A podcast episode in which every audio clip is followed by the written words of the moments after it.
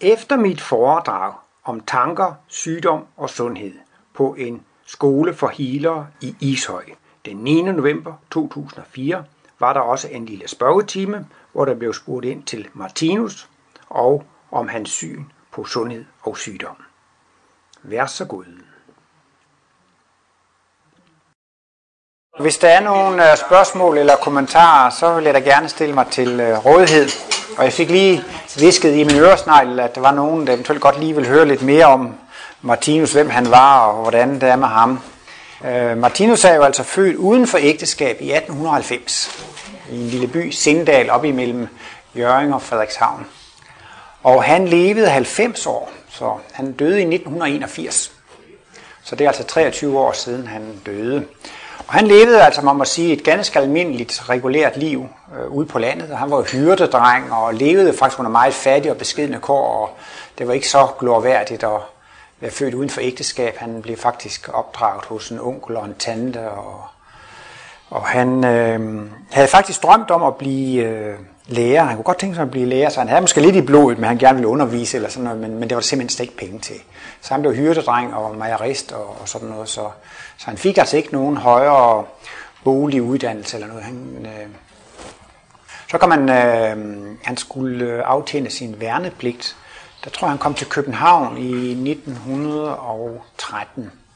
Og der var han altså 23 år. Og, og, og så var det altså slut med, med øh, provinsen. Han har været på mange mejerier i Jylland og i Heslag. Jeg tror for øvrigt, han har været på Ishøj Mejeri. Det tror jeg var...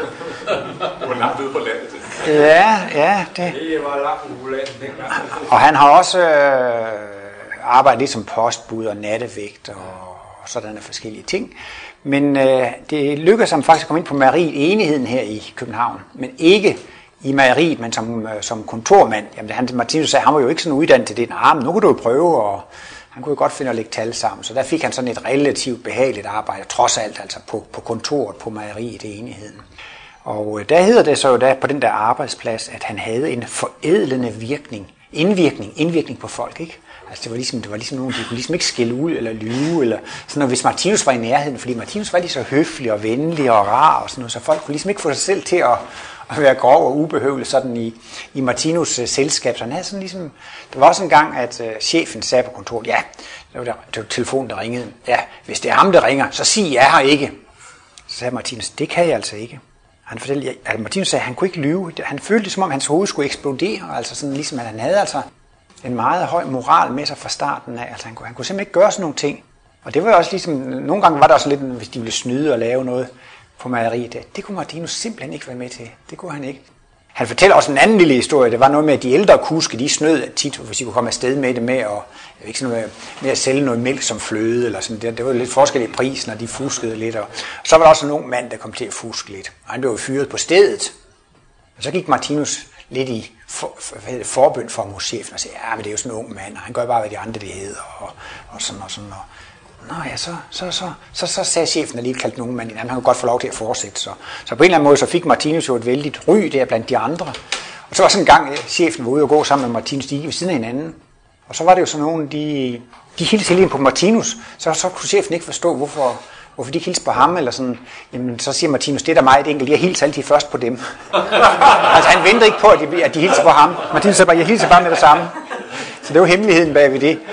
Nå, men det var bare sådan nogle, nogle små ting. Han sagde jo også om, om, om sin barndom, Martinus, at øh, han havde et meget inderligt forhold til Jesus.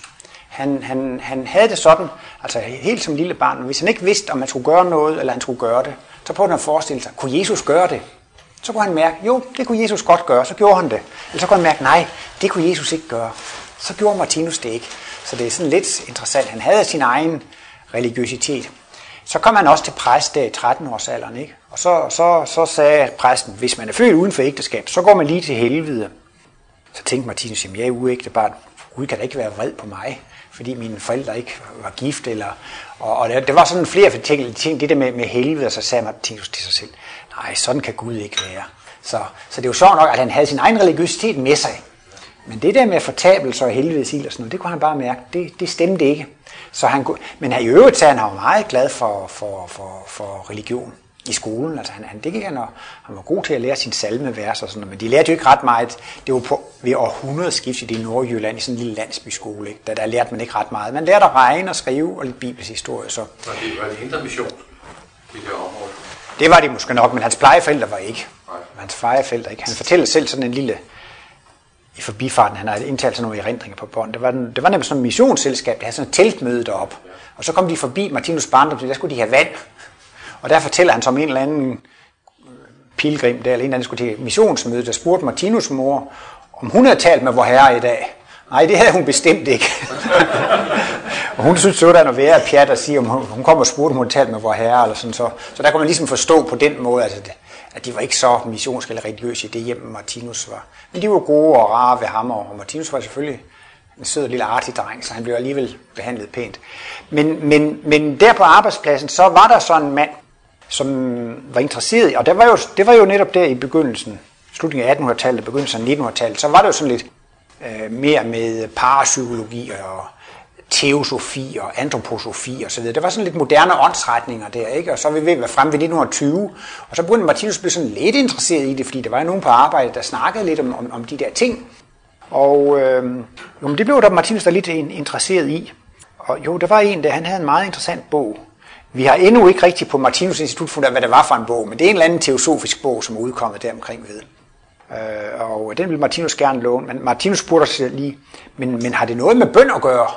Det der ny der. Jo, jo, det havde det. Nå, sagde Martinus, det var godt, for ellers så var jeg færdig med det med det samme. Så han, altså, han har haft det med sig som et naturtalent. Han sagde altså som barn og ung, det var min egen private hemmelighed. Han gik ikke og sagde til folk, at han bad, og han havde det Guds forhold. Så det var, det var ligesom, det hørte til hans privatliv. Og ligesom de nye moderne åndelige retninger, hvis det ikke haft noget med bøn at gøre, så har det ikke haft hans interesse. Men, men det, der så var som specielt ved det, det var den der bog, der stod der, at man kunne sætte sig ned i sådan en behagelig lænestol, og man kunne eventuelt tage bind for øjnene for at holde lyset ude, og så kunne man meditere på Gud. Og det tænkte Martinus, det ville han så prøve en dag, og det var jo så i påskeferien 1921, da han havde ferie fra bageriet i enheden. Og der kan man så sige, der fik han en stor åndelig oplevelse. Der fik han en åbenbaring. Der blev han så indvidet. Og han har skrevet i en lille bog der omkring min missionsfødsel, øh, hvor han øh, gjorde det to dage i træk. Og den første dag, så kalder han det for den hvide ilddåb. Altså han fik sådan en, en virkelig åndelig lysoplevelse, hvor, hvor det var også med ild. Og den, den, det sker det, at han, han, han var så glad for den her Torvaldsens øh, Kristusfigur, som står inde i blandt andet i Domkirken og på Torvaldsens Museum. Det er ikke den forpinte, men det er den milde, kærlige Kristus der. Og så ser han den i det fjerne, og så går der sådan nogle skygger over, og jeg ved ikke, om der kommer nogle blå himmel, og men det kommer sådan gradvist nærmere og nærmere, den der Kristusfigur. Og så tager hans overraskelse, så bliver den levende på et vist tidspunkt. Og den bliver ved med at komme nærmere og nærmere, og til sidst, så gik den ind i Martinus egen krop. Og så så han ligesom, at der gik et lys ud, sådan et kejleformet lys gik ud, og så så han jordkloden dreje rundt i det der lys. Og det vidste Martinus jo slet ikke, hvad det skulle betyde. Han så kontinenter og huse og byer og sådan. Han boede ligesom på et pension, jeg ved ikke, om hun hed fru Henriksen eller sådan noget. Så han prøvede lige at fortælle hende lidt om, hvad han havde oplevet. Du er jo skør, Martinus, eller sådan et eller andet. Pas på med det der. Så han fandt ud af, at det skulle han ikke snakke for meget om. Og så dagen efter, så prøvede han igen. Og der oplevede han så det, han kaldte for den gyldne ilddåb. Og der oplevede han, at hans krop forsvandt, hans værelse forsvandt, alting forsvandt, og, og ligesom at han, han, han kom op i det allerhøjeste energilag, man kunne, og, og det beskriver han, han beskriver det som om, at så er nogle gyldne tråde, som vibrerer lidt i den ene ende, og de her gyldne tråde, de fortoner sig ind i stilheden. Og han siger, at, at, øh, at alle kristusvæsener, eller alle, alle levende væsener, de har noget af den her guldglå, eller guldaura, og det er den, ligesom, der forener alle levende væsener med hinanden, og, og, og han siger altså, det var det nærmeste, han kom at opleve Gud. Og det var det nærmeste, han kom at opleve sit jegs sammenhørighed med andre i væseners jeg. Altså det var, men han sagde altså efter nogle, jeg ved ikke, han sagde jo ikke nanosekunder, men altså efter ganske kort tid, så var han nødt til at tage bind for øjnene og så videre, fordi han siger, at det var simpelthen så stærk og kraftig energi, så han kunne ligesom ikke øh, tåle at være i det, men, men og det har han så beskrevet, men det var så ikke bare det, han har haft nogle åndelige oplevelser. Det han så opdagede bagefter, det var, at hans bevidsthed var forandret permanent efter de to. Altså man kan jo godt have en åndelig oplevelse, og så er det det. Men altså hans bevidsthed er forandret, så den bliver aldrig den samme igen. Han er altså, man kan se, hvad det man bruger med et blærende udtryk, han har fået hul igennem. altså han har fået hul igennem til den åndelige verden. Ikke? Og fra den dag af, så, så kunne han altså opleve direkte i den åndelige verden. Og han oplevede specielt, når han koncentrerede sig på et problem, så kunne han få svar på det. han fortalte, at det første han sådan, jeg ved ikke hvorfor, men det første han begyndte at undersøge, det var månen. Så begyndte han at indstille sig på månen og spørge til at finde ud af, hvad det var. Og han mente, det var klodelig, at der har været liv på månen engang. Sådan oplevede han det. At det har været et levende væsen engang. Ligesom vi, når vi dør, så bliver der også et liv ud af os. Og månen, det skulle så være... Og han mente i øvrigt også, det, altså, det er jo bare detaljer, men altså, at den er kommet fra et fremmed solsystem, eller den kommer fra et fremmed sted, og så er den så, så sejlet ind. Der findes, astronomerne har mange forskellige teorier om det, hvordan det er, men den hører også til en af dem, at månen er blevet opfanget af jordklodens øh, tyngdefelt. Men har så i øvrigt jo haft stor betydning med, med dens påvirkning af tidevand og, og sådan nogle ting. Øh, så man kan sige, at altså fra Martinus var 30 til han var 90 år, så arbejdede han kun med de her kosmiske ting. Han gik lidt på arbejde i starten, men øh, hvad var det, jeg ville sige? Jo, jeg vil også lige sige, nu, har jeg, nu kommer jeg lige ind på det med hans barndom og hans uddannelse. Han, han, så siger han, at han er et levende bevis på, at man kan komme til den højeste viden igennem sine egne sanser. Og han siger, at alle mennesker på denne klode vil komme til at opleve det. Et hvert menneske vil komme til at opleve sandheden igennem sig selv. Ikke? Et hvert menneske vil engang få lov til at få den her kosmiske bevidsthed og få lov til at opleve det igennem sig selv. Og han siger lige frem, det hørte med til hans mission at være et levende eksempel på at vise, at man kan komme til viden igennem sig selv. Og derfor siger han, der fik, fik han altså af forsyn eller Gud ikke lov til at studere eller få nogen uddannelse, fordi at det skulle være et klokkerent tilfælde på, at Martinus har ikke... Det var jo nogle gange, når de der store bind af livsbog, så kommer folk, nej, du må jo rigtig have studeret. Sådan sagde man jo i gamle dage, ikke? Du må rigtig have studeret, Martinus. Nej, siger Martinus, jeg har overhovedet ikke studeret. Men han kommer til det.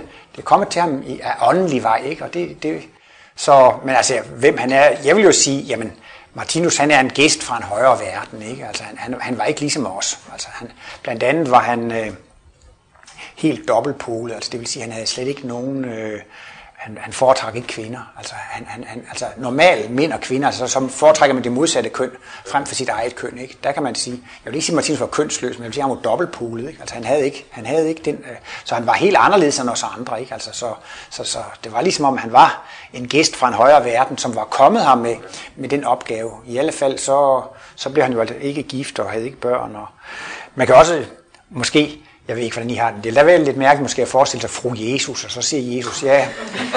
Så siger Jesus, nej, jeg kan ikke prædike i aften, jeg skal hjem og passe børn. Eller, eller, eller konen vil ikke, at jeg skal ud og prædike, eller sådan et eller andet. Eller jeg ved ikke, men altså, det har vi ligesom ventet os til, at Jesus, han, han, han øh, og, og, og, og, han var altså også, hvad skal man sige, kan man sige, Jesus var ikke nogen skørtejæger. jæger. han havde ikke den der specielle sympati for kvinder, som mænd har. Og sådan, sådan havde Martinus altså også. Han var, ikke, han var heller ikke nogen skørtejæger, eller han slet ikke. Ej, jeg laver nogle gange lidt pjat med at sige, at Martinus rører det ikke tobak, vin, eller hvad hedder det, tobak, spiritus og kvinder. ja. Ja, der er en af de Martinus interesserede, som hedder Harry Rasmussen, som lige har skrevet en artikel om H.C. Andersens seksualliv. Jeg har ikke læst den endnu, men som skal publiceres. Så han skriver lidt om det ud fra Martinus analyser der, så han var meget beæret over de. Det er et tidsskrift for et H.C. Andersens selskab, som havde optaget hans artikel. Og han har så skrevet den på, på men altså, der er sagt så meget godt i Bibelen og andre åndelige retninger, religioner osv. Det er simpelthen nok. Men, siger Martinus, i dag er der mennesker, som er blevet så intelligensbetonede og fornuftsbetonede. De kan simpelthen ikke gå i kirke. De kan ikke tro på det, vel? Altså, selvom det er sandheden, det er nok så godt, så, så er de altså skeptiske. De vil have en forklaring på det, ikke? Kemi, fysik, matematik, økonomi, astronomi og klimatologi, der kan, man kan få logiske forklaringer over alt undtagen i kirken. Det er sandt, fordi det står i Bibelen, og du skal bare tro. Du bliver, din tro frelser, du skal tro blindt på det her, og det er sandt alt det, der står i Bibelen. Og det er sådan en mennesketype, det kan de bare ikke. Men han siger, at der findes humane materialister, de er humane. Hvis det er jordskæld, så vil de gerne hjælpe til, hvis der er problemer på skolen, eller socialvæsen, fattige og politik. Altså, der findes mennesker, de er meget humane og venlige, men de kan ikke tilhøre en sekt, de kan ikke tilhøre en religion, de kan ikke gå, de kan ikke gå i kirke. Og der siger Martinus, det er målgruppen for hans arbejde. Han siger der meget ydmygt og beskeden, Martinus, fader vor, det er en genial bøn. Det kan ikke formuleres bedre. Det er simpelthen perfekt. Martinus vil overhovedet ikke prøve på at forbedre på det. Han siger bjergprædiken, jamen det er så genialt, og det er så flot formuleret. Det kunne Martinus heller ikke på nogen måde tænke sig, at han kunne formulere bedre. Men Jesus han gjorde jo mirakler under, og så troede folk på ham, fordi det var Guds søn, og, og folk har, tror jeg også ned i historiens forløb, jeg tror, de opdagede, opdaget, hvis de gjorde, som Jesus sagde, ikke? Så fik de jo altså alligevel en god skæbne, ikke? Og hvis de gjorde det modsat, så fik man en dårlig skæbne, ikke? Altså, så, så, men de har kørt meget på troen, og det var så det, der var Martinus arbejde at forklare det på en logisk og en videnskabelig måde, selvom det drejer sig om, om religion og psykologi osv. Og, og det kalder Martinus så at kalde at lave kosmiske analyser. Så giver han en logisk forklaring på det. Og øh, det skal så være sådan, at vi kan bruge de erfaringer, vi har gjort i vores hverdag, og, og bygge på det, og så se, at det er rigtigt, det Martinus ikke siger. Så Martinus, han bruger hele tiden det, han resonerer. Han forklarer og resonerer og forklarer, og det er altså at lave kosmiske analyser. Og på den måde siger han så, så bliver de her guddommelige ting, de her høje intuitive ting, de bliver til, gjort tilgængelige for almindelig jordmenneskelig intelligens. Så kan mennesker med en almindelig intelligens begynde at beskæftige sig med de her ting. Ikke? Så man kan, altså selvfølgelig er der mange, der er åndeligt interesseret i forvejen, som bliver interesseret i Martinus. Ikke? Men Martinus mener virkelig, at det her det vil komme ud til millioner af mennesker på kloden, som er materialister. Så altså det her med Martinus kosmologi, det kan vi også se på instituttet, hvor der er interesse. Der er ikke interesse overhovedet for Martinus i lande, som er meget religiøse. Ikke? Altså der, hvor man interesserer sig for Martinus, det er lande, som er meget irreligiøse. Der er jo kun et par procent af danskerne, der går i kirke. Ikke? Altså jo højere teknologisk udvikling der er, jo højere intelligensen udviklet, ikke? jo færre der går i kirke, og faktisk altså også der, hvor kønnenes ligestilling er længst fremme der er man faktisk også længst fremme i, i, i den dobbeltpolige udvikling. Der hvor skatteprocenten er højest, det er jo, fordi der er det udtryk for social velfærd osv. Det, det er sådan de lande der, og derfor er det altså, kan man sige, i første omgang, så er det mest skræddersygt til skandinaverne, ikke? Fordi at det, lande er, er det er udsat, oversat til, til 15 sprog nu. I det mindste en eller par bøger, ikke sandt? Men, men, men det er meget få sprog, hvor alle bøger er oversat. Men det koncentrerer sig mest om Nordeuropa og de kolde og tempererede egne, men øh, det spreder sig lige så stille. Du taler også om et Martinus Institut. Hvad? Ja. ja, altså Martinus, han, øh, han, øh, han skrev jo testamenter og ordnede jo tingene, før han døde, ikke sandt? Og, og der havde de jo lavet det, der dengang hed en selvejende institution, ikke? Han testamenterede alt, hvad han ejede og havde til den selvejende institution, Martinus Institut. Og de har så ophavsretten og copyrighten og, og, og på alle hans ting. Og han ønskede, at hans værk skulle være en gave til menneskeheden. Det var frit frem. Det skulle ikke... Og han modsatte sig meget, at det skulle være medlemsdannelse og foreningsdannelse osv. Men han ønskede, og det var helt frit, folk må lave Martinus studiekredse og holde foredrag, så han ønskede bare, at det skulle være to steder, hvor det ligesom skulle følge hans retningslinjer. Ikke? Og det er så Martinus Institut, som ligger inde i København. Ikke? Og det er administration og foredrag, og der, der kontrollerer man oversættelse, der udgiver man bøger, og man er også ved at udgive øh, øh, hans efterladte manuskripter. Jeg kan blandt andet øh, fortælle, at jeg selv har været med til at bearbejde nogle af de hans efterladte manuskripter. Og jeg har jo lige, lige haft fingrene ned i det i de her dage oven i købet. Og der kommer en bog, som hedder Det tredje testamente. Den intellektualiserede kristendom. Og i den bog, der forklarer Martinus med hvilken ret han har kaldt sit værk for det tredje testamente. Og den kommer her på Borgens forlag 1. december eller sådan noget. Så den, det er sådan set meget interessant, at, øh, at han tager de temaer op, at, og, og øh, han kalder det altså for intellektualiseret kristendom. Og det betyder, at han vil vise, at alt, hvad Jesus sagde, det var sandt. Altså han har set det som en mission at retfærdiggøre Jesus. Men han vil gøre det på en intellektuel måde. Altså han vil forklare det logiske i det.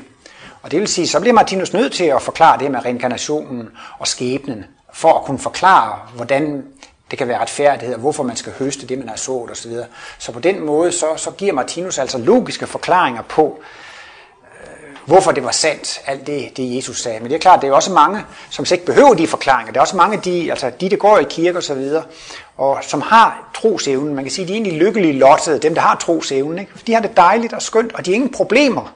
Som Martinus har skrevet for de mennesker, som har problemer med troen. Ikke? Og hvis de har problemer med troen, så er det nemlig det, så smider, det er det der på dansk, så smider man også barnet ud med badevandet. Man skal bare smide badevandet ud, man skal ikke også smide barnet ud. Man smider det hele ud, ikke? Og sådan er det faktisk, altså folk de har lidt svært ved at gå i kirke og tro på, på den måde det foregår i kirken, ikke? Så smider de det hele ud. Og så ryger Jesus også med ud, som, som model af det fuldkommen. Så smider man det hele ud, ikke? Så Martinus, han, han ser alle andre åndelige retninger, sekter osv. som åndelige brødre. Vi er jo alle sammen på vej mod lyset. Vi vil jo alle sammen til Gud og til kærligheden, så han, han ser ikke, at der er nogen, der er konkurrenter. Men han skriver for en gruppe, som skal have det serveret på en intellektuel og en øh, logisk måde. Ikke? Og dem kommer der flere og flere i fremtiden efterhånden, som vi bliver mere intelligensbetonet og mere og mere materialistisk. Ikke? Så, så, så det er typisk for, for dem, øh, Martinus har, har skrevet, altså de humane materialister, men egentlig også for ulykkelige materialister. For der er mange mennesker, de er syge og trætte og kede og deprimerede. Til sidst så siger de, nu vil jeg have det godt, nu vil jeg være raskere. Og så begynder folk virkelig at søge og gøre noget, ikke? fordi altså, hvis folk er kommet helt i bund, så, så begynder de altså ligesom at, at søge og gøre noget. Ikke? Og der er der så nogen, det har jeg tit set, øh, dem, der bliver interesseret i det, at, at, at, at, at så er det deres ægtefælle, der er død, eller de har mistet arbejde, eller haft en slem sygdom, og så begynder de at interessere sig for det her. Men jeg har sådan nogle lange parenteser. Så var der også et, et to steder. Det var Martinus Institut i København, og så hed noget, det hedder Martinus Center, op ved Nykøbing Sjælland i Klint.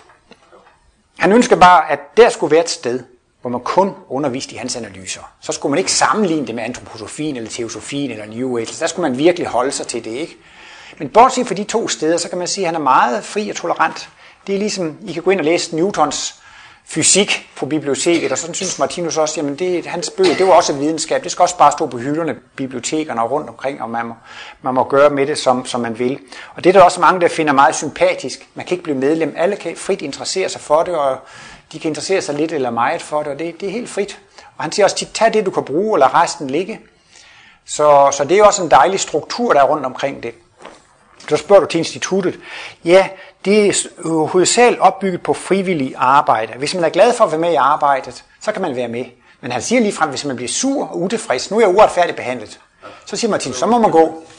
Så, så, fordi det her, det skal, det her skal vi prøve at skabe en kærlig atmosfære. Hvis man så er sur og utilfreds, så siger han, jamen, så er det bedre, at man går. Jamen sig så hvad nu, hvis det er den allerbedste foredragsholder? Ja, det gør ikke noget, så må han også gå, hvis han er sur og utilfreds. Jamen hvad så, hvis det hele gruppe af foredragsholdere? Ja, det gør ikke noget, hvis de er sur og utilfreds, så må de gå.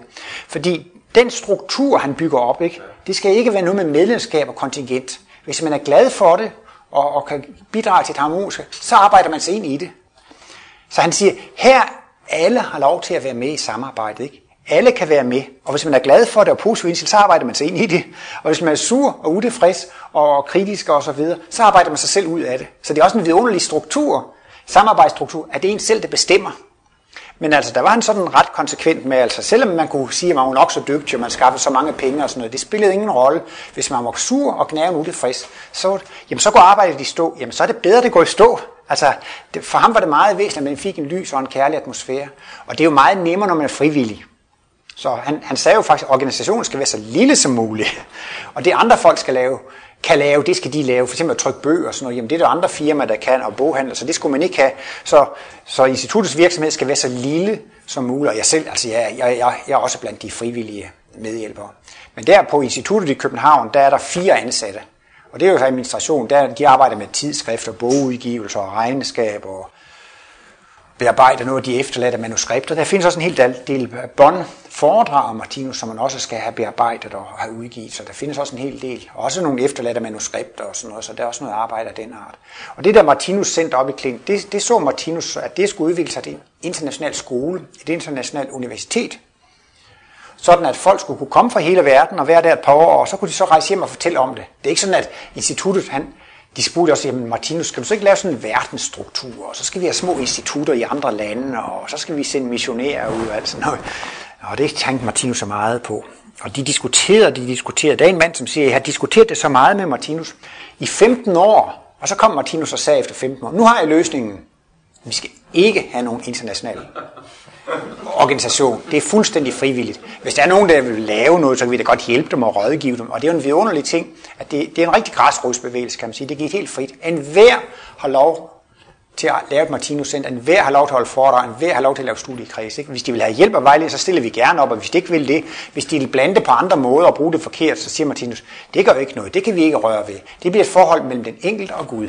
Hvis man misbruger det sådan noget, jamen det ordner livet selv, og, og det er også ligesom så dejligt, instituttet skal ikke gribe ind. Han har skrevet noget forkert i avisen, og han har skrevet noget forkert i en bog, og det er et mellemværende mellem den enkelte og Gud selv, hvordan man behandler de her ting. Ikke? Han siger også, at hvis ting er hellige, jamen så er det under en særlig magt. Det har jeg ikke med at gøre. Det er også, hvis man skinner kors, og der knækker kors, og der brænder kors, og vil der grave sten og alt sådan noget. Ikke?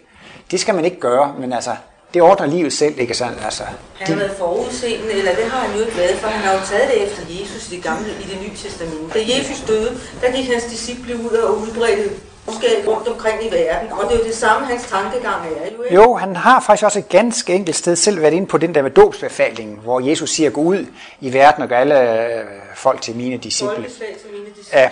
ja. Øh, fordi Martinus, det er jo ellers ret normalt inden sådan for lidt ny, hvad hedder New Age og sådan noget, at man skal lave et ashram og et åndeligt samfund, og, og, og det, det synes Martinus, nej, det skal man da ikke. Det er da meget bedre med at gå ud i verden. Altså, han, han synes ikke, og han ville nemlig ikke have det der Martinus Center skulle blive sådan en ashram for de frelste og så der var dem udenfor. Men det skulle være en skole, hvor man kunne lære det. Men han synes, jamen hvis man virkelig var lidt oplyst, eller sådan lidt åndelig, så, så var det bedre, at man gik ud og virkede på sin arbejdsplads og sin by. Og, sin, og, og, og der har han, på den måde han også udlagt dåbsbefaling. I stedet for at prøve at lave en lille klub af hellige, som, som lever sit eget så, så altså, han bruger bare det billede, hvis du har et hus med 100 rum i, og du har 100 lys, hvorfor skulle man så samle alle lysene i et rum? Så er det bedre at stille et, et enkelt lys ud. Så jo, det har han behandlet jo. Og, og det er klart, at han siger også, at hvis man ikke er glad for det, og sådan noget, så arbejder man sur, så skal man bare lade det ligge. Og så er man meget glad og inspireret, så, så kan man jo gøre det. Så. Men du kom ind på noget, nu afbryder jeg, du kom ja, du ind meget noget før. Men blandt andet, at du siger, at han er ved at skrive det nye testamente, det tredje nye testamente. Jeg kaldte det det, det tredje testamente. Den, ja, det tredje testamente. Det, det tredje testamente, og så sagde det den intellektualiserede kristendom. Ja, og der kommer du så ind på Jesus Kristus reinkarnation. Det øh, de nye tænkende mennesker, mange af dem forkaster det, andre tager det ind i sig. Og Bibelen har jo, er jo blevet omskrevet igennem mange århundreder, og det er jo også blevet omskrevet i Bibelen. Jo. Så der kan han jo komme lidt i konflikt med det der. Jo, det der, det, altså, altså det er jo helt klart. Man må stille spørgsmål. Jo, jo, uha, endelig spørger man. Jo, jo, men altså det er jo klart, at den danske folkekirke, Mm. De er ikke for reinkarnation. Nej. Nej. Så det er klart, så der, der sker det så allerede. Der sker det så meget, ikke? Det gør det. Øh, og det må så være, altså, og så siger Martinus, han har ikke skrevet det her for at være proselytter, eller lede nogen væk fra det, de er inspireret af. Han synes, det er simpelthen dejligt. Der, der i livets bog, stykke 17, der har han skrevet, hvor et menneske er på sit rigtige plads. Hvornår er et menneske på det rigtige sted? Hvornår er et menneske ved den rigtige kilde? Er, er folkekirken det bedste for mig, eller Jehovas vidner, eller altså, hvornår, hvordan, hvordan, hvordan er, hvad er kriteriet for, hvornår man er på den rigtige plads? Så siger han, et menneske er på det rigtige sted, når det føler en strøm af energi og glæde gå igennem sig. Når man føler en, en trang og en glæde til at være kærlig, når man føler en, en strøm, der giver en en, en, en, en tillid og en øh, tro på forsynet, at når man øh, får en guddommelig fred og glæde og inspiration osv., der er man på den rigtige sted. Og derfor, det er der nogen, der får i folkekirken, så synes Martinus, det er rigtigt, og det er godt, og det er vældig fint. Jeg kan bare lige nævne i parentes, han meldte sig aldrig ud af folkekirken selv, Martinus. Han blev, han var i, men det er det altså, at, at, at Martinus kan jo se, at vi er forskellige, fordi vi har forskellige erfaringer, ikke? Og derfor skal man ikke dømme folk. Jeg har den erfaring, og den har du ikke, og du har den. Men vi er alle sammen lige gode. Vi har de erfaringer, vi har. Så, så han, han kritiserer jo overhovedet ikke øh, andre trosamfund og så videre. Og han synes jo, det er da vidunderligt, at der er noget, der kan inspirere alle mennesker. Så er der nogle, de, de er muslimer, nogle er hinduer og buddhister. Det er da kun godt, at der findes noget til enhver smag, så enhver kan få den inspiration, de har brug for ud fra, fra deres øh, forudsætninger. Og så er der altså bare der ved at stå, der opstår et vakuum i vores tider hos materialister og ateister. De kan ikke rigtig få nogen forklaring. Og det er så dem, Martinus har skrevet på. Øhm, man kan sige, at Martinus refererer til Bibelen, og han refererer til Jesus. Men han går gældende, at takket være hans kosmiske bevidsthed, havde han kunnet skrive hele sit værk, uden på noget som helst tidspunkt at nævne Jesus eller Bibelen. Altså han, han, han kunne mærke livsloven, han kunne opleve, hvordan livet fungerer, og han kunne opleve de her ting, men han har følt, at det var hans mission at retfærdiggøre Jesus. Han skrev et sted i livsbog 3, at det hørte med til hans mission at retfærdiggøre det, der guddommelige sendebud. Så altså Martinus har haft det som en ekstra så, så bliver det sådan, som nu du siger, Bibelen er skrevet om og skrevet om og skrevet om. Ikke? Når så Martinus læser Bibelen med sine øjne, ikke? så ser han altså hans tolkning. Det og det og det og det, det, det er sandt i Bibelen. Ikke? Og så har han så forklaret det ud fra et evighedsperspektiv, ud fra et flerlivsperspektiv, hvordan det... Men man må jo også sige, at der er jo 2.000 kristne samfund, som er med, medlem i det økumeniske samfund, som vi så har deres hovedsæde nede i Steneo, ikke? så kan man også spørge sig, hvem har ret? Ikke? Altså, er det den danske folkekirke, som har ret, eller er det katolikkerne, eller de ortodoxe, eller baptister, eller altså metodister osv.? Der er så mange, det, det, det begynder at være svært, hvem har ret, hvad er kristendom, og hvad er det ikke? Og der har Martinus en meget enkel definition af kristendom. Han siger, at man er kristen, hvis man opfører sig ligesom Jesus opfører sig. Man kan næsten sige, om man var muslim eller buddhist, eller en grøn mand fra månen, eller marsmand, eller et eller andet. Hvis man opfører sig ligesom Jesus gør, så er man kristen også man kan sige, hvis der er en planet med, med, med rigtige kristusvæsener, hvis der aldrig har hørt om en, der hedder Jesus eller Kristus, men hvis de kun kan være til gavn, glæde og velsignelse for levende væsener, så er de kristne. Så der har Martinus en meget enkel definition på det, og det, han, det Martinus kalder kristen, det er ikke det, man har meldt sig ind i en sigt, men det er handlen, det er den måde, man handler, og det er den måde, måde man er på, ikke? som afgør, om man, man, er, om man er kristen eller ej. Men altså, det er klart, at det bliver da lidt kontroversielt for nogen, hvis de øh, skal til at tage stilling til Martinus øh, udlægning af det. Men det interessante er jo i hvert fald for mig og mange andre, det er faktisk mange mennesker, som ikke har været religiøse eller været interesseret i det kirkelige, de bliver faktisk interesseret i det, der står i Bibelen, og, og ved at læse den kosmiske tolkning af det. Ikke? Man kan jo sige, altså måske altså, jeg ved ikke, man kan sige, de urkristne, eller sådan, de var måske lidt tættere den originale kristendom, fordi så er det jo kommet en masse dogmer og en masse vedtagelser. Altså i folkekirken, der er det jo, der er det jo kan man næsten sige, det er ufærdige menneskers fortolkning af Jesus, som præger folkekirken. Hvorimod Jesus, han repræsenterer jo selv kristendommen, ikke? men så er der jo kommet nogle tolkninger af nogle, og det er jo også noget, der er gjort af mennesker, som levede for 1500 år siden og 1000 år siden. Det er klart, de havde jo ikke så udviklet en bevidsthed. Så derfor har de jo fået, Jesus han kunne jo næsten ikke fortælle dem det lige op og ned. De har nok haft en, en, en, en på den måde at sige, de har været super egoister, for de har tænkt, de skal ikke vide det der, vi skal lige holde dem der i angrebet. Jo, men, men, men Jesus, han måtte jo i alle fald, han måtte i alle fald fortælle det som, som lignelser, ikke? Altså det er en slags ja. omskrivning. Det var, næsten, altså, det var næsten som at fortælle det for børn, fordi de var jo ikke så intellektuelt udviklet på det tidspunkt der. Men det, må, det bliver måske også lidt, lidt, lidt, lidt, lidt stærkt, fordi så er det Martinus jo kommer ind på, at øh, Jesus har jo forudsagt, at der skulle komme talsmand den hellige ånd. Hvad er nu det for noget? Men det er jo altså ikke en person. En ånd, siger han, jamen det er jo en viden, det er en videnskab. Altså der skal komme en videnskab, som skal forklare de der ting. Ikke? Og det mener Martinus så, at altså, han har givet den der forklaring, der skulle til. Fordi at øh, Jesus han siger, jeg har meget mere at forklare jer, men I kan ikke bære det nu. Men det skal altså komme altså en videnskab senere hen, ikke sandt? Men det kan godt være, at det, det, det ved jeg ikke. Der er jo ikke så mange, der kender Martinus, men det kan da godt være, at det vil give lidt... Øh... Ellers så ved jeg jo, at der findes jo øh, ham der Ågård, som har lavet det der dialogsind, som, som ser meget kritisk på kristendom rundt omkring og så videre. Der kan man sige, der har Martinus hmm, bevægelsen, hvad skal man nu kalde Martinus, ikke rigtig fået ørerne i, i maskinen i det omfang, man kunne have troet, selvom der bliver Martinus altså kategoriseret som en falsk profil. Men de ser jo også på mange klager, der kommer, ikke? Hvor mange mennesker, der bliver kidnappet, hvor mange mennesker, der bliver udnyttet økonomisk, altså hvor mange klagesager der er. Og det er klart, de sekter, som kidnapper og udnytter folk økonomisk, de får jo rigtig ørerne i maskinen. Så, så vidt jeg hører, så har det ikke været nogen klagesager på Martinus. Fordi altså, der er ikke nogen medlemskab, og der er ikke noget med, at man narer penge fra folk, og, og folk er helt øh, frie til at gøre det. Men derfor kan det da sagtens komme. Så lige i første omgang, så har det ikke været Martinus, der har været lige i, i centrum. Selvom han helt klart bliver erklæret som en falsk profet. Det er, det, det, altså, Jamen, det blev Jesus jo også i sin Jo, jo. ikke jo. Så, hvad søren, altså, ja. så er vi jo ikke blevet særlig godt Nej. igennem 2000 år. Så det er interessant med Martinus. Man kan sige, at han, for, han forener hjerte og hjerne. Han forener også de østlige og de vestlige religioner. Han, han forener religion og videnskab. Altså det er sådan på en måde en universel forklaring, ikke sandt, som forener mange ting, der før har været spaltet ud. Altså i en østlig og en vestlig tænkning, en materiel og en religiøs tænkning osv. Så, videre. så på en måde er det jo sådan en universel forklaring på, på livet.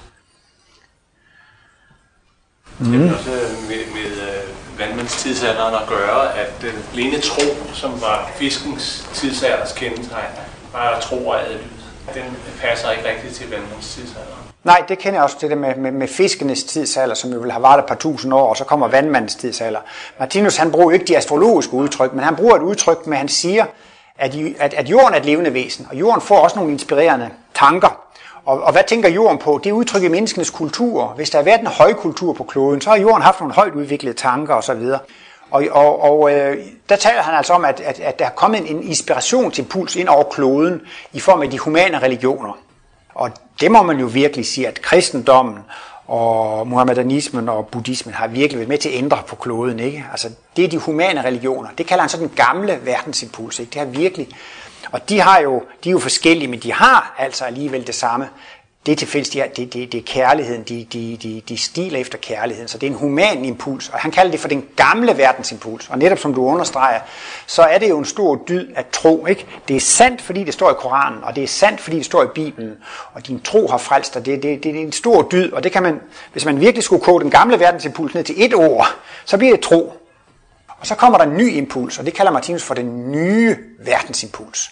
Og det er så åndsvidenskabens. Og skulle man koge den ned til et ord, så er det viden. Altså, der skal man altså have en videnskabelig holdning. Jamen, hvorfor er det sådan? Hvordan kan det være? Hvordan kan jeg opleve det? Hvordan kan jeg være sikker på det? Og der refererer Martinus hele tiden til det, vi kan opleve med vores egne sanser, og hvad man deraf kan konkludere med logik og, og, og, og fornuft. Så, så på en måde svarer det jo meget godt til astrologiens, det der med, at Martinus tager, altså fisken og vandmanden, der tager Martinus altså den gamle, det er en trosepoke, og vi er gået ind i en vidensepoke. Og vidensepoken begyndte jo med den tekniske revolution, og måske også den franske revolution der i 1789, ned med præster, og ned med konger og kejser og bisper og paver, og, men især det, det gik ud over religion og de religiøse autoriteter, ikke? Og, og så begyndte jo materialismen og industrialiseringen.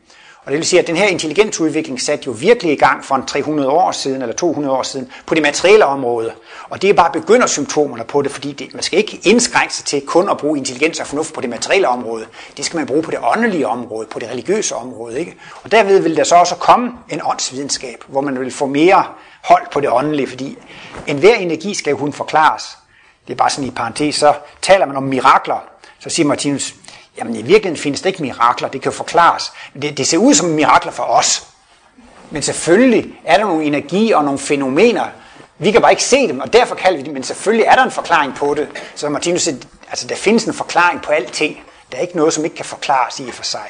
Og det er jo så det, der bliver åndsvidenskabens opgave at forklare ting, som man før anså for at være mirakuløse og utrolige, og man, man ikke fatte. Ja. Øh, og det levede Martinus? Altså, hvordan klarede han sig økonomisk fra 30 til altså, i de 60 år? Det, øh, levede han af, for han fik jo sådan set en stor formue for Ja, det er et spørgsmål om, hvordan Martinus levede rent økonomisk set. Ja, altså man kan sige, det hørte måske også med til hans mission, at han skulle leve meget beskedent og meget fattigt. Altså, også, også specielt før de 30 år, der levede han altså meget beskedent og men også især i årene efter han begyndte at skrive på det, for der var der næsten ingen indtægt. Altså nogle gange så måtte han låne penge, og der var også en rig mand, som hed Bernhard Løv, han besøgte der til. Så kunne Bernhard Løv ikke forstå, at Martinus kom ikke og besøgte ham mere. Så, så spurgte han, hvorfor kommer du ikke mere, Martinus? Ja, han har altså ikke råd til sporvognsbilletten, så, så måtte han blive hjemme. Men, øh, men så blev han en af Martinus første og store mæscener, og ham, Bernhard Løv, han betalte simpelthen for udgivelsen af Livs bog B1 i 1932. Det var en ren gave, at men øh, Martinus måtte faktisk leve altså relativt sparsomligt hele sit liv. Men det var jo det, at der var nogen, som fik forståelsen af storheden i hans arbejde. Ikke? Så der har været nogen, som har, har givet ham penge og hjulpet ham. Der var også en, der hed Alf Lundbæk engang. Jeg kan vide, om det har med den store Lundbæk-koncern at gøre i dag. Men i hvert fald var det en, en fabrikant, der hed Alf Lundbæk, som, som også i, i en periode fra 1928 til 32 skrev en dagbog om det, og der kan man se, at han hjalp også meget. Så det har selvfølgelig været forskellige mæscener og folk, der har hjulpet. Men det begyndte efterhånden at blive en tradition, at, øh, at man gav Martinus, man samlede sammen til en fødselsdagsgave, man samlede sammen til en julegave. Ikke?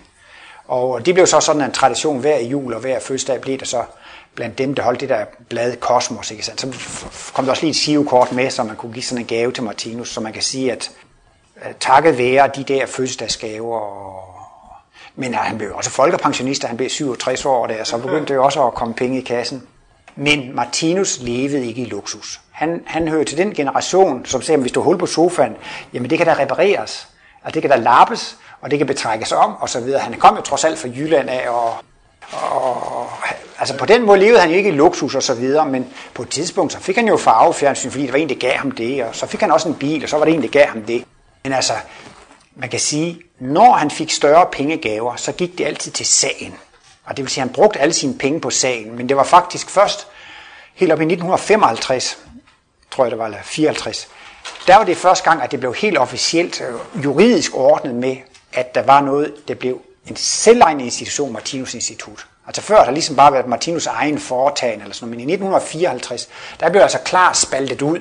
Så de sidste 30 år af hans liv, kan man sige. Altså der var der ligesom en, en, en, en udspaltning. Ikke? Og så, så gik jo altså alle de der fødselsdagsgaver, altså når de gik til den selvejende institution, Martinus Institut. Ja, men det har været meget, meget spartansk. Noget af det... er ret flot ejendom, ikke? Jo, det ligger i. ja. Og det var hans privatbolig, Ja, jo, øh, ja, men altså, øh, hvad var det? Det, det, det, var, det, var, det var to ting. Den der Martinus Center deroppe, der var noget med, at de kunne købe det for 5 øre per kvadrat. Altså, man havde jo ingen penge. Men så fru Olofsberg, hun har jo rigtig mange penge, så hun lånte Martinus 20.000 kroner. Og så købte han for det. Og så måtte han jo nogle gange øh, betale af på det, eller så bliver andre om at hjælpe med afbetaling og så videre. Og øh, jeg tror, hun hed Maria Nielsen, eller der var, et eller andet, der var en dame, som har arvet for måske et par millioner dengang. Hun var rigtig rig. Og så lånte Martinus af, af hende. Og øh, så blev det ordnet på den måde, at hun skulle have livrente. Altså da de købte institutdækkes, altså, det altså hun betalte det hele med det samme, ikke? og så skulle hun have en livrente. Men hun var vist meget dårlig til at holde hus med sine penge, og pengene forsvandt bare. Så for en måde var det godt for hende, hun fik det her system med livrente, fordi så, så, så kunne de andre ikke narre pengene fra dem og føde det. Men hun blev i øvrigt meget gammel. men, øh, men altså, så, så, så, på den måde var det jo sådan set hemmeligheden bag ved Martinus Institut, altså at de, de, han lånte alle pengene til at begynde med, ikke? Og så skulle lånet ikke betales tilbage på den måde, men altså hun, hun, det blev aftalt en vis sum, hun skulle have sådan en, en, en livrente. Men det mærkelige ved det var jo, at da Martinus døde, så blev økonomien god. Så det, man skulle tro, at det gik den anden vej, så begyndte økonomien at blive dårlig. Men øh, i dag så triller det ind med testamentariske gaver, ikke? fordi øh, der, så der er jo folk, som har været så optaget i det hele livet, og typisk, hvis det er mennesker, som ikke har, har børn og ægtefælde, så, så synes de, at de vil testamentere det. Og det har så gjort, at man har kunnet simpelthen altså, udvide Martinus Center i Klint, og så bygger vi en foredragssal, og så bygger vi en pavillon, og, så det er så næsten sådan en helt lille, helt lille by deroppe i Martinus Center Klint. Så, men altså Martinus han købte ikke Rolls Royce for, for pengene, de gik alt sammen til sagen. Jeg har kun de her tre programmer med, men ellers kan jeg måske også sende nogen frem. Det viser blandt andet foredragssalen deroppe i Martinus Center Klint, og, og det der, de der kurser, vi har. Men altså i dag må man sige, så må man sige, at, at, at instituttet er nu blevet omdannet til sådan en fond, ikke sandt? Og, og, og, og der bliver solgt bøger og tidsskrift, og det bliver taget honorar ved for, altså indtægter ved foredrag og kursusvirksomhed og sådan og sådan. Men det er slet ikke nok til at, at lønne. Jeg skal også lige sige, at på Martinus Center Klint, der er der halvanden ansat, og der er fire ansat inde i København, og de skal jo have deres årsløn hvert år, ikke? og det er sådan en rimelig stor sum, ikke? og det kan driftsindtægterne ikke dække.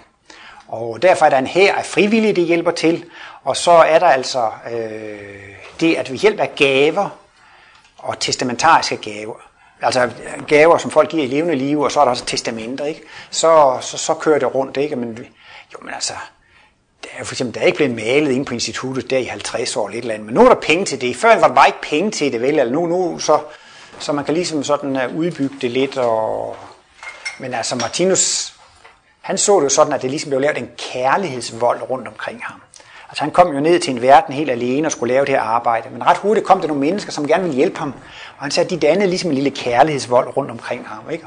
Og så efterhånden er der jo flere mennesker, som synes, at det har betydet meget for dem, og de har været meget glade for det. Og, og folk kan jo hjælpe til ved at give pengegaver. Der er nogen, de, de kommer en gang om måneden og stikker tidsskrift i en konvolut. Og der er nogen, de hjælper næsten hver dag, og nogen øh, en gang om ugen. Og, og man kan godt lige så lidt og lige så meget, man har lyst til, men det gør jo også en dejlig samarbejdsatmosfære, når folk gør det, fordi de har lyst til det. Og hvis man ikke har lyst til det, så må man endelig lade være. Der var en mand engang, det var sådan en historie, han klippede hæk, og han klippede hæk op i Martinus Center og så videre. Så kom han der og spurgte, om han ikke kunne gå gratis ind til foredrag, fordi nu klippede han så meget hæk, og det kunne han måske også godt have gjort. Så sagde han, nej, men det, det kan du ikke, fordi du skal betale ligesom de andre. Og så blev han meget vred og gik, og så kom han ikke mere. Og så har vi det udtryk, så klippede han for meget hæk. Jeg altså mener, man må få lov at hjælpe til. Nu kan man sige, jeg giver en ubetinget gave, jeg vil gerne hjælpe til. Og jeg forventer mig ikke noget til gengæld. Og det er jo ligesom attituden, man skal have med sit samarbejde. Altså, man må gerne, og han siger, det her det er en åben struktur. Alle, der har lyst til at være med for Martinus arbejde, de er velkomne. Alle er velkomne, og man kan ikke blive meldt ind. Men hvis man har lyst til at hjælpe til, så må man gerne. Og om man ikke har lyst til at hjælpe til, så skal man bare lade være. Og man skal ikke gøre mere, end man har lyst til. Man skal ikke hjælpe så meget, at man begynder at stille krav, altså sådan og sådan, sådan vil have det, så, så, så, så er det bedre, at, at, at, at, at man lader være. Så, så på den måde, så, så regulerer det sig selv lidt med, hvor stor eller hvor lidt interesse der er for det. Det er også nogle gange, ja. Det? Hvad? Det er lidt hårdt med ham hækkeklipperen. Ja, det var lidt hårdt. Ja, jo, jeg kan godt se det. Jeg ved ikke, om det er virkeligheden eller en anekdote, men i alle fald så, så, så, så um, har Martinus skrevet en lille bog, som hedder Gavekultur. Og der definerer han så, hvornår en ting er en gave, og hvornår det ikke er en gave. Og han siger, at det er næsten ikke noget, der har skabt så mange problemer og tårer som gaver. Fordi folk, de giver en gave, ikke? men så bliver de nogle gange skuffet, hvis det ikke kommer noget til gengæld. Altså, nu har jeg hjulpet dig med at, at gøre rent i din have ved eneste år, og, sådan, og nu kommer jeg lige og spørge dig, om du kunne gå på posthuset for mig, ikke? Og det er du altså ikke tid til. Tænk, at han vil være det bekendt. Nu har jeg hjulpet ham i haven hvert forår, og så kan han ikke engang gøre det for mig. Eller tænk, nu har jeg givet ham 10.000 kroner i fødselsdagsgave hver eneste år, ikke? Og her kommer jeg så og spørger, om han ikke kan give min bil voks eller polere den eller sådan noget. Så siger han nej. Tænk, at han vil det bekendt, ikke? Og der er det så, Martinus siger, jamen altså, gaver er tit en skjul forudbetaling for en modydelse, ikke? Og så er det ikke en rigtig gave. Så er det ikke en betingelsesløs gave. Altså det vil så sige, altså hvis man virkelig vil give gaver, ikke? Så skal det være fuldstændig betingelsesløs, og så skaber det ingen sorg, vel? Men det er tit, at det, det, det bliver til ærgelse for giveren, ikke? Og så er det altså fordi, der har været nogle skjulte motiver, altså man vil have lidt modydelse senere, eller lidt sympati, eller man vil ligesom købe sig lidt gode og sådan noget. Så derfor gælder det altså om at, at, at holde den her gavekultur helt rent. Jeg giver det et ubetinget, og uden at vil have noget igen. Ikke? Og det er så det, Martinus prøver på at forklare i den her samarbejdsstruktur. Hvis man vil hjælpe til, så skal man helst gøre det som en ubetinget gave, uden at komme og kræve noget til gengæld. Det kan også godt være i dag, vi vil lade ham gå ham. Men, men altså, du kan godt se, at det principielle i det er, at, at, at hvis man siger hjælp, så kommer man bagefter og gør modkrav jamen så, så er det jo ikke så meget en ubetinget gave eller en hjælp, så er det altså fordi, at, at, at, at man vil have en eller anden fordel.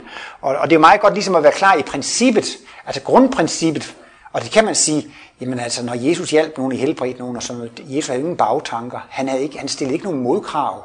Altså den, den universelle kærlighed eller næste kærlighed, det er en ubetinget gave, ikke? Og det er jo så selvfølgelig også det, Martinus, ud og han skriver teorierne, så vil han jo gerne alligevel prøve at lave en slags en slags kultur rundt omkring arbejde der, som, som gik på, at jeg hjælper til, fordi jeg har lyst til det, og ikke fordi, at jeg har nogle modkrav eller har forventninger om modydelser.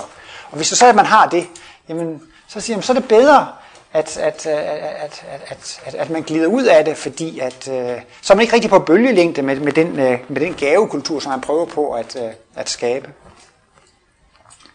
Nu stiller jeg mange spørgsmål. Jeg stiller så et til. Ja, du er da meget velkommen. Hvad er, hvad, hvad, øh, for tavlen, så hvad, spørge, hvad er dine forudsætninger? For du ved utrolig meget om det her. Man Nå, hvad mine forudsætninger er?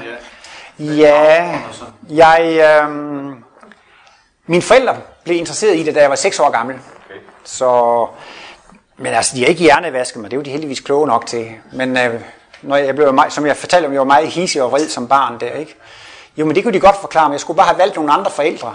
Så blev jeg, og så blev jeg bare endnu mere hissig. Eller hvorfor kan Mozart spille? Ja, men det er fordi, han har spillet musik i flere liv. Og sådan, altså, sådan bliver det jo leget lidt ind. Altså, altså man får ligesom lidt ind sådan øh, på den måde. Men øh, jeg kan da huske, at jeg gik realklassen. Ikke? Der, der, der, der læste jeg i det der tidsskrift Kosmos og, og blev interesseret i det. Men øh, op til jeg var 30 år, der vil jeg sige, altså det var der bare sådan interessant at, at, at høre, men altså, jeg, jeg, jeg, jeg, jeg, jeg hørte min første Martinus foredrag, da jeg var 10-11 år gammel. Der, der var et af foredragene, jeg husker ikke ret meget, jeg husker to ting. Der var en af de voksne, der spurgte mig, om jeg forstod noget af det, Martinus sagde. Så svarede jeg, ja selvfølgelig, jeg forstod det hele. Det kan jeg bare huske, at jeg svarede. Så kan jeg huske, at han sluttede foredraget af med at sige, at vi skulle være som solen for andre mennesker. Solen skinner på retfærdigt og uretfærdigt, så, så, så, så, så kan man jo lyse og skinne på, på alle. Sådan skulle vi også gøre, uanset om det er venner eller uvenner, så skulle vi være ligesom solen. Så det, det, det, det, var, det var de eneste to ting, jeg kunne huske på det foredrag. At jeg påstod, at jeg forstod det hele. Det er jeg sikker på, du Nej, men, øh, men øh, altså ellers så af, af baggrund, så er jeg, så er jeg øh, civilingeniør. Jeg læste kemi, og senere har jeg faktisk også læst biologi på universitetet og miljøbiolog, så jeg har været meget naturvidenskab interesseret. Og så er der nogen, der siger, at det er der en hindring for at forstå Martinus. Men jeg synes jo netop, fordi jeg har lært, at alle kemikalier reagerer lovmæssigt, så kan jeg gå med til, at alle psykiske og åndelige energier, de reagerer også lovmæssigt. Hælder du de ting sammen, så ætser det, og hænger du ting, så bliver det til en plast. Og sådan. Så kan jeg også godt forstå, når man hælder energier sammen i sin bevidsthed, hvis man gør sådan, så ætser det, og gør du sådan, så gør det noget andet. Men øh, jeg øh, arbejder meget frivilligt, og, og, og, og, altså meget, og, og øh, det gør, at jeg har haft lov til at bruge meget tid på det. Altså, og øh, jeg vil næsten sige, at de sidste 20 år, der har jeg næsten beskæftiget mig mere eller mindre heltids med det her. Ikke? Og så har jeg, jeg har ikke fået direkte løn, men jeg har fået min løn i himmelen. Nej, jeg har, mine forældre de har en bondegård, og så har jeg fået arveforskud og, og gaver fra dem, og nu har jeg også arvet øh, min tredjedel af bondegården. Og, men altså, jeg har haft lov til at være frivillig, frivillig underviser, medhjælper i center de mange, mange år. Og så kommer jeg selvfølgelig også mere ind i det, fordi at jeg har næsten haft det som fulltime arbejde. Men altså, jeg har jo, det har jo været, været, været min, mit, mit livs store interesse, så jeg var, da jeg var 30 år, så sagde jeg farvel til, til jeg, jeg havde jo regnet med, at jeg skulle ind og sidde i Miljøministeriet, når jeg nu var kemiker og miljøbiolog, og jeg skulle gøre stor karriere inden for miljøbevægelsen. Og, altså som ingeniørvæsen, så der var 30 år, så opgav jeg principielt at bruge min uddannelse, fordi jeg var så interesseret i Martinus. Men jeg blev lærer, så jeg vil sige, hvis folk spørger mig, hvad jeg er, så er jeg kemi- og fysiklærer. Men jeg underviser så lidt som muligt, for at få så meget som muligt tid ved det her. Og jeg synes jo selv, at jeg har, har oplevet så mange gange, at, øh, at jeg er blevet hjulpet meget, fordi at jeg har undervist frivilligt og, og, og hjulpet. Men altså, det er klart, når, når, når, når jeg næsten kan beskæftige mig med det på fuld tid, så kommer jeg også ind i mange ting og mange detaljer. Og så har jeg også været med i bestyrelsen derinde på instituttet i, i 6-7 år. Og så kommer man jo også ind i, hvad Martinus udtaler om det og det og det og det, altså om økonomiske og praktiske forhold. Og, så jeg har sådan været med i, med, med, med, med i det interne. Men jeg var ikke i, i krisen, der var tæt på Martinus. Men ligesom her for eksempel, ikke? Så, så er jeg en gang imellem i sådan et te-selskab og kunne spørge ham om lidt. Og, og jeg hørte hørt jo en del af hans foredrag og hans spørgetimer, da jeg kom til København i 1967.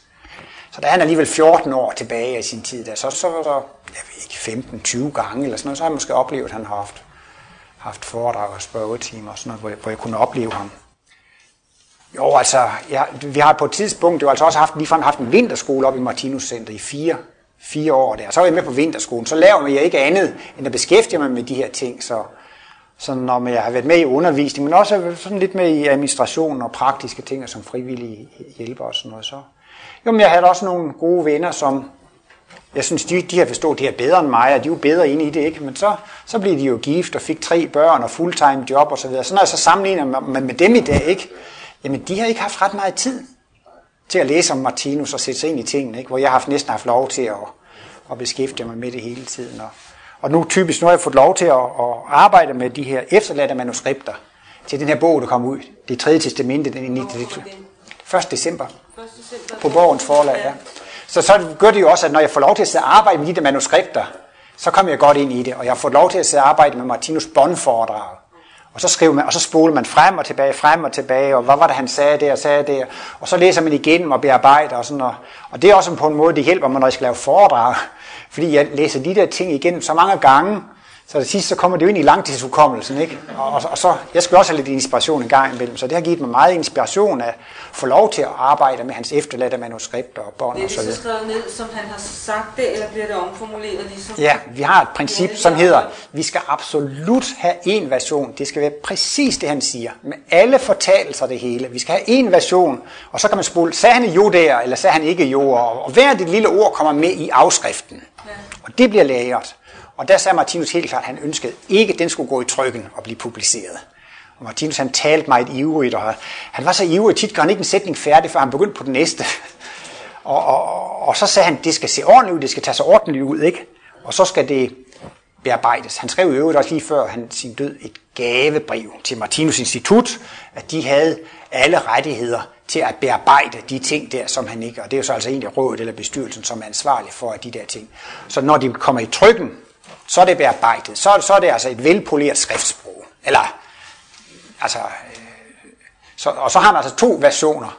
Man har den nøjagtige ord, som er sagt, og så har man en anden version, som så er godkendt af bestyrelsen for instituttet. De godkender så den bearbejdelse, der, der har været af det. Sådan, om det ser meget ubehjælpsomt ud, hvis man virkelig... Jeg har også engang selv fået noget skrevet ned, jeg har sagt, ikke? Man hopper tit i sætninger, man går ikke sætninger færdige, og sådan, det går slet ikke. Hvor mange bøger har han skrevet? Ja, han har, han har skrevet, jeg tror vi siger, han har skrevet 13 store bøger.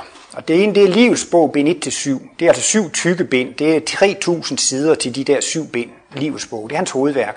Så har han lavet en bog, det hedder, et værk, det hedder Det evige verdensbillede. Det er fire bind. Og der forklarer han sine symboler. Og det er altså sådan, han laver 44 symboler. De er meget flotte, og der er sådan en særlig magisk kraft i hans symboler. Så når Jørgen han får en overhead-projektor, så ej, jeg kunne nu godt have taget nogen mere og holdt op, men det har jeg ikke. Men det er fire bind der, i det der det evige verdensspil. Så vælger jeg op i 11 bind. Og så er der en bog, der hedder Logik, og øh, det er en slags introduktionsbog. Og så er der en bog, der hedder Bisættelse, som handler om kærlighed til mikroverdenen. Hvor han blandt andet også kommer ind på, at man helst ikke skal brænde livet, fordi der er noget mikroliv, som ikke er død, selvom vi er døde. Så det var sådan 13 lidt større bøger, det kan man kalde hovedværket. Men så er der en serie på 28 bøger, små bøger. Og der kan man så sige, der kan man så gå ind og tage temaer, hvis man er interesseret i vegetarisme, så kan man læse den øh, øh, ideelle føde. Hvis man er meget interesseret i Jesus, så kan man gå ind og læse hans bog om påske og se, hvordan, hvordan Martinus ser på Jesus. Hvis man er interesseret i, i kærlighed, hvad er kærlighed, og hvad er forelskelse, og hvad er næste kærlighed, og hvad er familiekærlighed, og hvad er venskab, så kan man læse en bog, der hedder To slags kærlighed. Eller hvis man er sådan lidt interesseret, politisk interesseret, så kan man læse menneskehedens skæbne, og hvordan det vil komme til at gå. Og der har han taget sådan mange små øh, detaljerede temaer ud. Og så har han skrevet 200 artikler, som jo også kan, kan fylde, fylde øh, flere ben. Og der vil, han har måske også en, der er måske også en halvanden hundrede bånd, som ikke er blevet behandlet og trykt endnu. Og så har han jo også skrevet sådan de forskellige breve og julehilsner og takkebreve. Og han har også øh, en disciplin med spørgsmål og svar og så videre. Så, så, men til sidst, så skal de jo altså alle sammen samles i store, tykke bind, men der, der er stadigvæk noget at arbejde med alle med hans spørgsmål og svar og hans breve og sådan lidt løse ender. Man begynder sådan mere sådan i den store ende og få de store ting på plads. Men øh, 28, jamen, man kan sige, han har skrevet en 40 bøger, ikke? men altså, det var vel, det svarer vel til en 8-10.000 sider. Men der er selvfølgelig nogen, der vil sige, at, at, øh, at, at, at, at der er mange gentagelser i det. Altså, det er klart, at noget af grundstammen, det, det er jo lige så enkelt, som Jesus sagde det, eller altså han gør jo ting, men det er ligesom, så bliver de begrundet og se lidt for den side, og lidt for den side, og lidt for den side. Og, men altså, det kan også være meget dybt sådan, filosofisk, erkendelsesteoretisk, for ligesom, at man kan forstå, hvordan det hænger sammen. Men generelt set, så er Martinus kosmologi en morallærer. Det han vil, det han vil op, inspirere folk til at praktisere kærlighed. Og han vil gerne vise, hvad er kærligt, og hvad er ukærligt, hvad er godt, og hvad er ondt, ikke sandt? Det, det, det er jo simpelthen hovedpoint. Man kan sige, at Martinus' ønske, det er at bidrage til skabelsen af den varige fred på jorden. Og han siger, at altså, hans mission, det var at vise, at det betaler sig at være god. Det kunne bruges i undervisningsøje med i sko folkeskolerne. Det kom også i skolerne længere frem. Men Martinus, han havde også lidt afsmag fra søndagsskolen. Jeg ved ikke, ude på landet i gamle dage, der blev man sådan hjernevasket i søndagsskolen af de der indre mission. Og det ønskede han ikke, at det skulle være i Martinus Center sådan og sådan. Men han kunne godt forudse i fremtiden, så var der mange ting, det var så enkelt, at det kunne selv børn forstå. Og derfor ville det altså også. Og specielt hans symboler kan nogle gange sådan grafisk vise det meget enkelt. Så, men øh, det må være lidt det, må, det burde jo, de der har været interesseret i det som voksne, de kan så måske tage det til sig næste gang, de bliver født i en skole. Ikke? Så man skal ligesom ikke begynde med den kosmiske undervisning i et liv som barn. Altså man skal jo helst have, måske have haft det lidt som, som voksne i tidligere liv. Så kan man jo få det som barn næste gang. Så det er jo mere naturligt, når man har været lidt inde på tankerne, når man skal, når man skal have det som øh, børn du vil kunne nævne, øh, fordi det kan godt være svært at læse de 11.000 sider. Der er folk, der har skrevet nogle glimrende indføringer i Martins kosmologi. Har du lyst, hvis nogen vil læse? Nå ja, jo, altså det er jo klart, der findes jo forskellige medarbejdere og foredragsholdere, som har skrevet øh, bøger om det, og der er en, der hedder Per Brugs Jensen, som har skrevet en serie bøger, og han er meget intelligensbetonet. Så han prøver rigtig at få naturvidenskabsfolk og, og filosofer i tale. Og det er jo nogen, der er meget glade for det. Og det er tit sådan ingeniører og matematikere, og folk de vil vide, hvordan tingene hænger sammen. Så, øh, så er der også en, der hedder Svend O. Rossen, som har skrevet en, en, en, en tre bøger om, om Martinus verdensbillede. Og, ja, men der findes, der findes jo faktisk øh, øh, en hel del. Øh, hvad, det er så det, man kalder for sekundær litteratur. Det vil der bare komme, komme mere og, og, og, og mere af. Men jeg tror, Pebro Jensen og Svend O. Rossen, det er vel dem, der har skrevet mest. Om, eller skrevet flest bøger sådan øh, udenom men øh, jeg vil jo øh, i alle fald sådan, jeg alligevel i første omgang anbefale, at man læser Martinus egne bøger.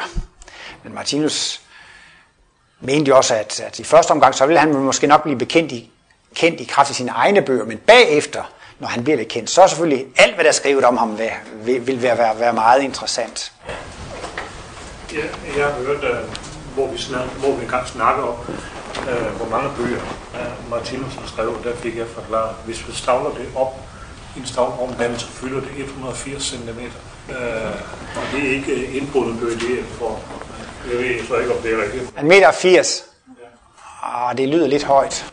Men så har man måske også taget alle de her kosmoshæfter med, hvor, hvor artiklerne har været i og sådan. Jo, men det er på en måde, altså der, der er andre forfattere, som har skrevet mange, mange flere, flere sider end, end Martinus. Altså det... Men alligevel, når man tænker at man skal, man skal ikke alene skrive om åndsvidenskab, men man skal sagtens også tegne det. Øh, det har nok krævet et eller andet. Det, Men det, det, det der med Martinus forfatterskab, det er også lidt interessant, at han har altid taget sig tid til at skrive breve til medarbejdere og takke dem ved deres fødselsdag og juledag. Og der har jeg nogle gange tænkt, herregud, han spildt sin tid på at sidde og skrive sådan nogle personlige breve. Han skulle hellere skrive nogle flere analyser. Men øh, han var også meget menneskelig, han tænkte altså også på sine medarbejdere. De blev selvfølgelig meget glade og meget inspirerede, og så blev de måske også endnu bedre arbejdskræfter, fordi de blev glade og inspirerede og sådan noget. Så. Hvad? ja, det var med bagtanke. Nej, jeg tror simpelthen også, at det var meget naturligt. Han skrev jo nogle meget venlige og kærlige breve, jo, og, og ville jo gerne gøre glade og inspirerede. Nå, nu tror jeg, det er ved at være nok for i aften. Jeg kan ligesom mærke, at der er sådan lidt opbrud af det, ikke? Så jeg vil gerne sige mange tak for i aften, og jeg synes, I har været med til at skabe en dejlig atmosfære. Jeg er glad for at være her. Tak for i aften.